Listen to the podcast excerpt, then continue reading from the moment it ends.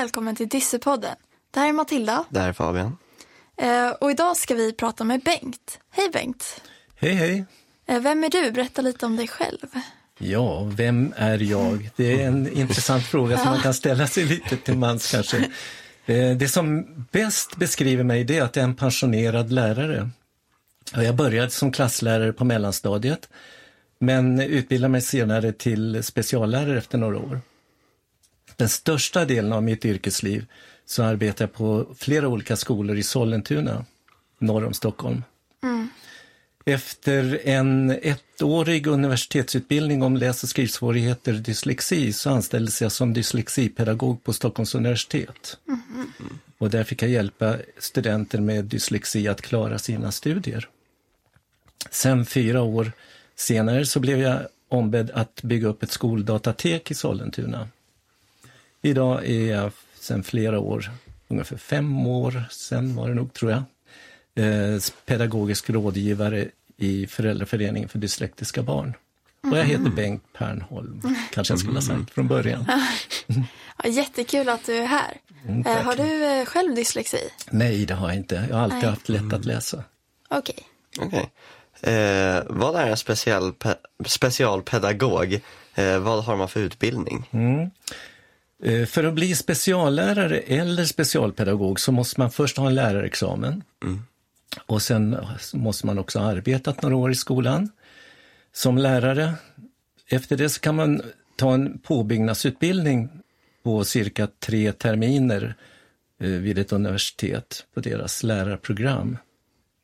Skillnaden mellan speciallärare och specialpedagog det beskrivs så här på Stockholms universitets hemsida. Jag tänkte citera det. En specialpedagog den ska arbeta tillsammans med både personal och ledning så att verksamheten kan erbjuda goda lärmiljöer och ge stöd och hjälp åt de barn och elever som är särskilt behov av det. Specialläraren, den, det blandar man ibland ihop med eh, specialpedagogen.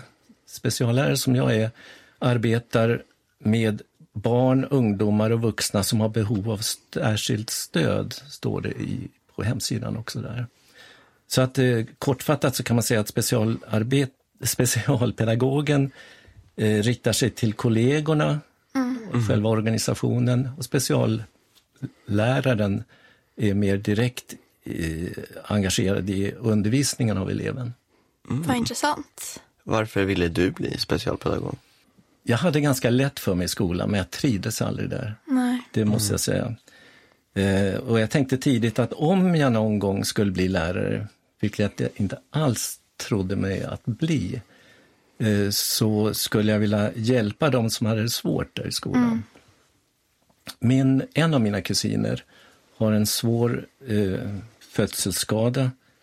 Eller jag får säga hade det, för han är inte i livet längre. Eh, det här påverkade mig väldigt mycket i mitt yrkesval. När jag sen blev lärare så fick jag under ett år en klass som kallades för läsklass på den tiden. Där mötte jag mina första elever som hade mycket svårt att läsa. Och då ville jag naturligtvis veta mer om deras svårigheter och hur man skulle kunna arbeta med dem.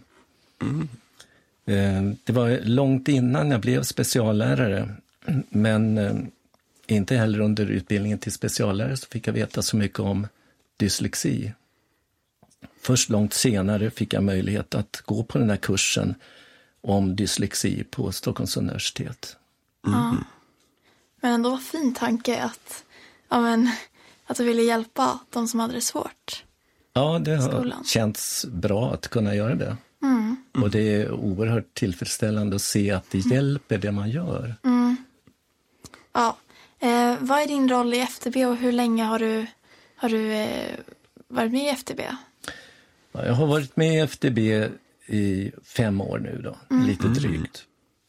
Eh, Jag är pedagogisk rådgivare där och därför så ska jag i första hand svara på de frågor som föräldrar eller lärare ställer till föräldraföreningen. Jag har också en roll i föreningens eh, forum, medlemsforum på Facebook. Eh, och där är det ju ofta en givande diskussion mellan föräldrar eller mellan medlemmarna i föreningen. Och i övrigt som jag har engagerat sig i det är översyn av texter.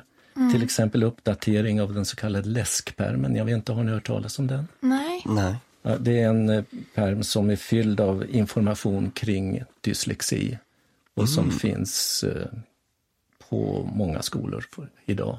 Okej. Den behöver ju uppdateras ibland och där har det varit ganska stort arbete kring det. Den senaste versionen har inte getts ut ännu. Nej. Nej.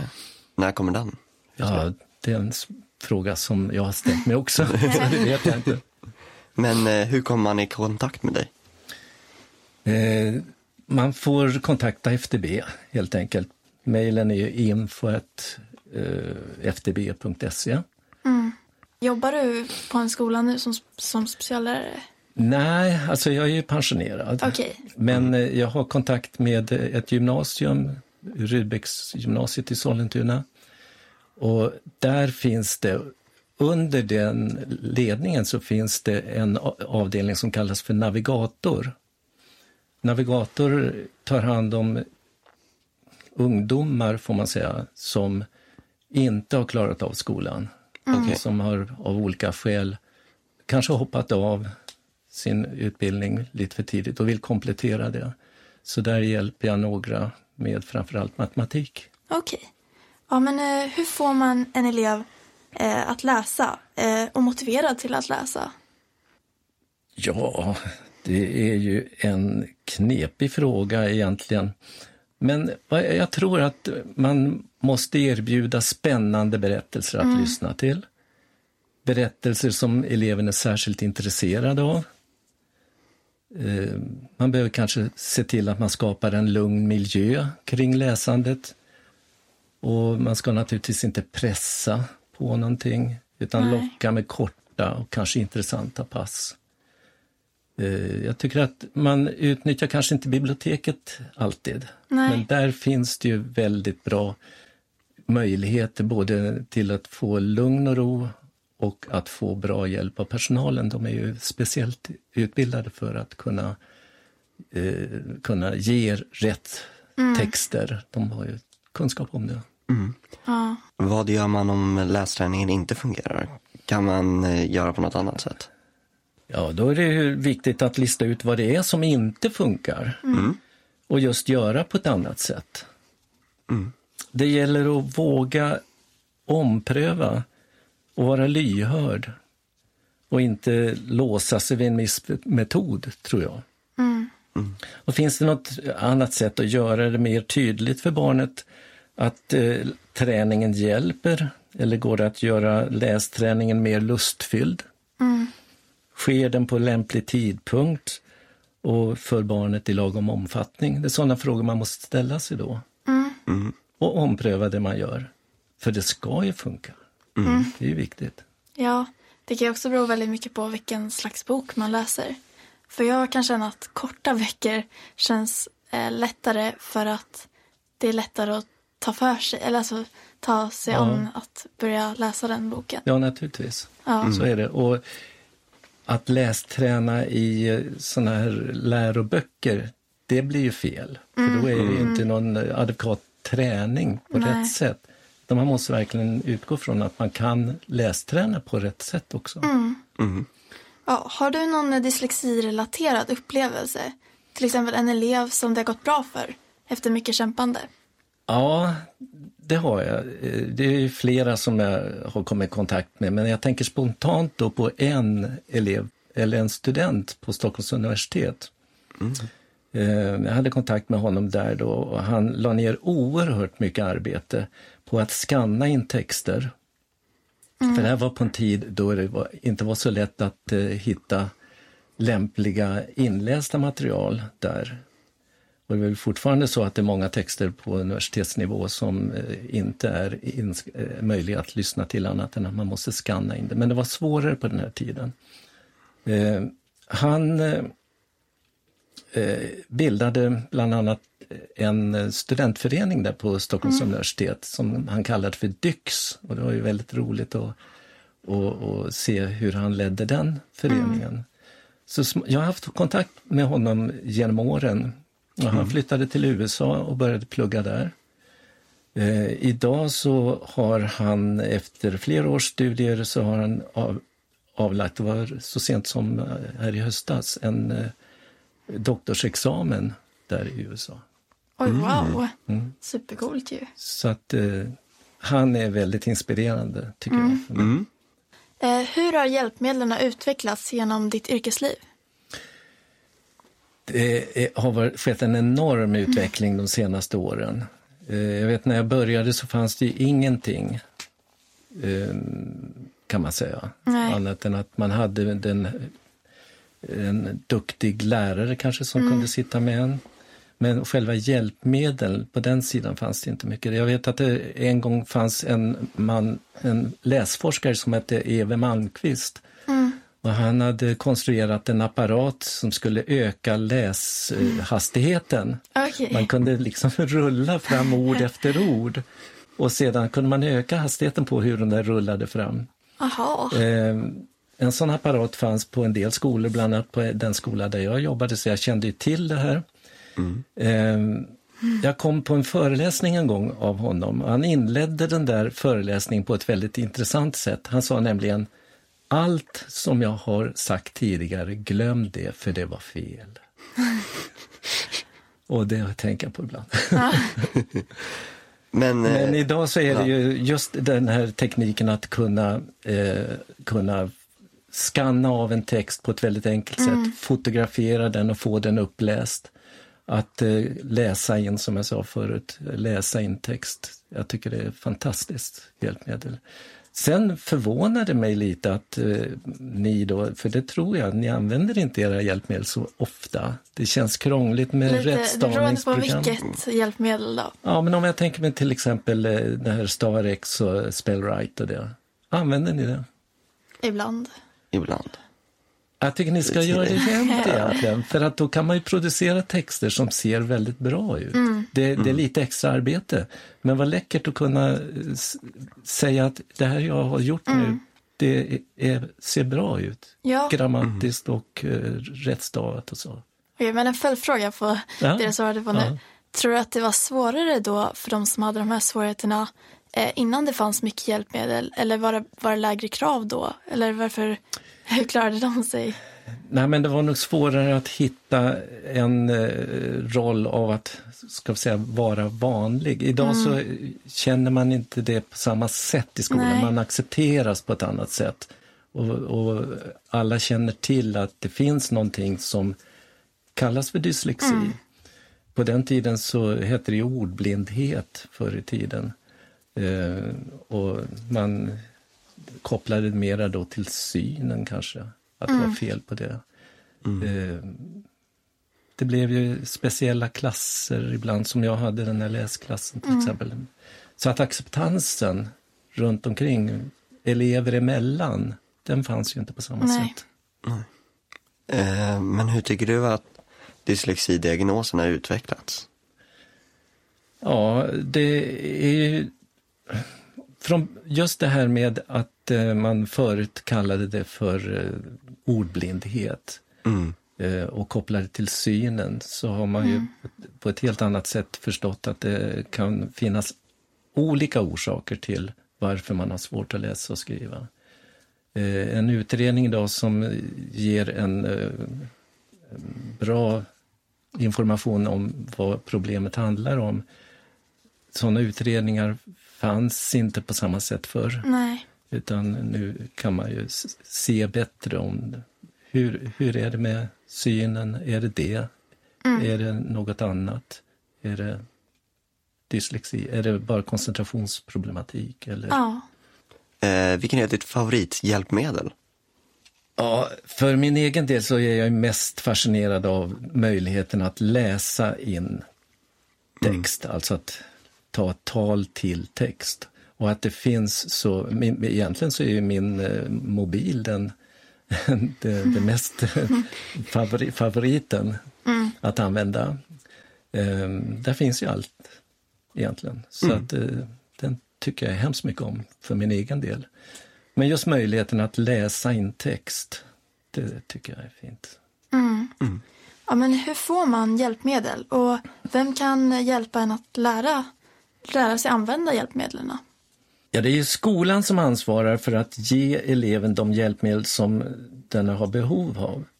För det står så här i skollagens tredje kapitel, och nu citerar jag där. Elever som till följd av funktionsnedsättning har svårt att uppfylla de olika kunskapskrav som finns ska ges stöd som syftar till att så långt som möjligt motverka funktionsnedsättningens konsekvenser. Det är förstås också skolan som ska se till att eleven kan använda de här hjälpmedlen och också gör det. Ja. Tycker jag. Jag tycker jag har träffat ganska många som inte använder sina hjälpmedel. Av olika skäl. ja. Vad har skolan för ansvar gentemot föräldrar eller elevens ansvar? Ja, det står, då får jag titta igen då i skollagens första kapitel. Och där står det att utbildningen syftar också till att i samarbete med hemmen främja barns och elevers allsidiga personliga utveckling. Eh, slut på citatet där då. Samarbetet innebär på det sättet ett delat ansvar mellan skola och hem. I det tredje kapitlet så står det att skolan har ansvar för att fortlöpande informera vårdnadshavare om barnets utveckling. Tittar man vidare då så står det i fjärde kapitlet att, och nu citerar jag där, elever ska ges inflytande över utbildningen. Där står det också för övrigt att eleven har ansvar för att sköta sig i skolan och vad rektor kan besluta ska ske om en elev till exempel stört ordningen. Så man, man kan väl säga det är både skola och hem och elev som har ansvar för sin utbildning. Eh, vad kan man göra när man känner att det inte fungerar med ansvarsfördelningen? Ja, då måste man ju begära ett möte med rektor för att diskutera lösningar på problemet. Det är ju i ett samtal mellan vårdnadshavare, skolpersonal och elev som man kan hitta lösningar. Ja, precis. Eh, Men okej, om man kör fast med skolan, eh, vad gör man då? Hur, vad kan man be om för hjälp? Ja, det är väldigt svårt att ge ett generellt svar på det. För omständigheterna kan ju vara så otroligt olika. Ja. Men just det här samarbetet mellan vårdnadshavare och skola är som sagt lagstadgad. Och utgångspunkten måste ju vara då att vi tillsammans ska hitta en lösning. Om det här som man har kommit överens om, om det visar sig att det inte fungerar så måste något annat prövas. Ja. ja men, eh, men tycker du att man ska vända sig då till specialpedagog eller lärare eller, ehm, eller ja, vem ska man vända sig tycker du om det inte funkar? Ja, I första hand tycker jag till eh, mentor och Okej. speciallärare. tycker jag. Eh, Och sen får man eh, driva den här frågan högre upp sen i skolans organisation. Ja. Hur kan man som lärare hjälpa sin dyslektiska elev?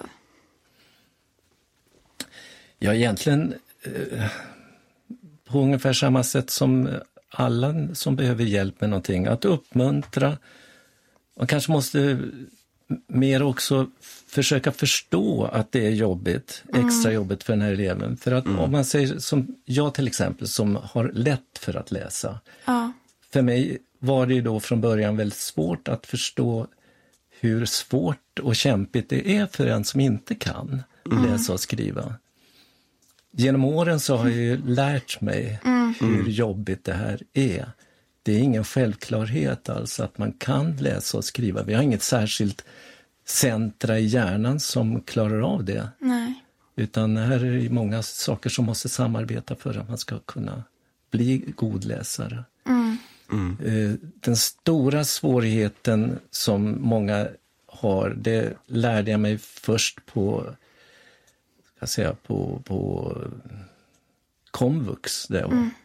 Där jag hade en elev som var vuxen och som hade så stora problem. Hans stora dröm var att kunna lära sig att läsa så mycket så han skulle kunna läsa för sina barn.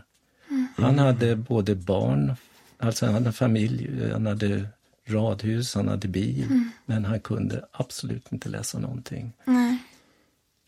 Och där lärde jag mig mycket kring det här problemet. Eh, hur kan man eh, som förälder hjälpa sitt barn om man misstänker att de har dyslexi? Ja, det gäller att visa på allt sätt att barnet duger. Mm. Att uppmuntra allt annat som barnet är bra på, intressen, eh, fritidsaktiviteter och sånt. Och sen tror jag man ska se till att man läser mycket för barnet och låter barnet lyssna eh, på inspelad litteratur. För på det, på det viset så stärks ordförrådet och eh, grammatiken. Sen är det viktigt också att man uppmärksammar läraren på det här problemet så att eh, läraren kan anpassa sin undervisning och eh, också på sikt eh, genomföra någon utredning. Men innan den här utredningen är klar så är det också viktigt att eh, man ändå kanske utgår ifrån att det, är, det handlar om dyslexi Mm. och, och agerar efter det. Ja. Man ska inte vänta på själva utredningen. Nej. Nej. Okej, men vad är ditt bästa tips till en dyslektiker och dens föräldrar? Ge inte upp, utan använd alla de möjligheter som finns idag att kompensera svårigheterna. Och eh, fokusera mer på de egna styrkorna och utnyttja förmågor som är, innebär mer tala och lyssna än att avkoda och skriva för hand. Det är nog mitt bästa tips där. Det var ett bra tips. Mm. Ja, nu börjar det här avsnittet eh, ta slut. Är det någon som skulle vilja lägga till något? Nej, jag skulle kunna säga att det var väldigt trevligt att få komma hit. Jättekul att du kom. Ja, tack för att du kom och tack till dig som har lyssnat. Har du idéer på vem vi ska intervjua eller frågor? Kontakta oss på hej ftb.se. Följ oss gärna på Instagram och vi finns där poddar finns.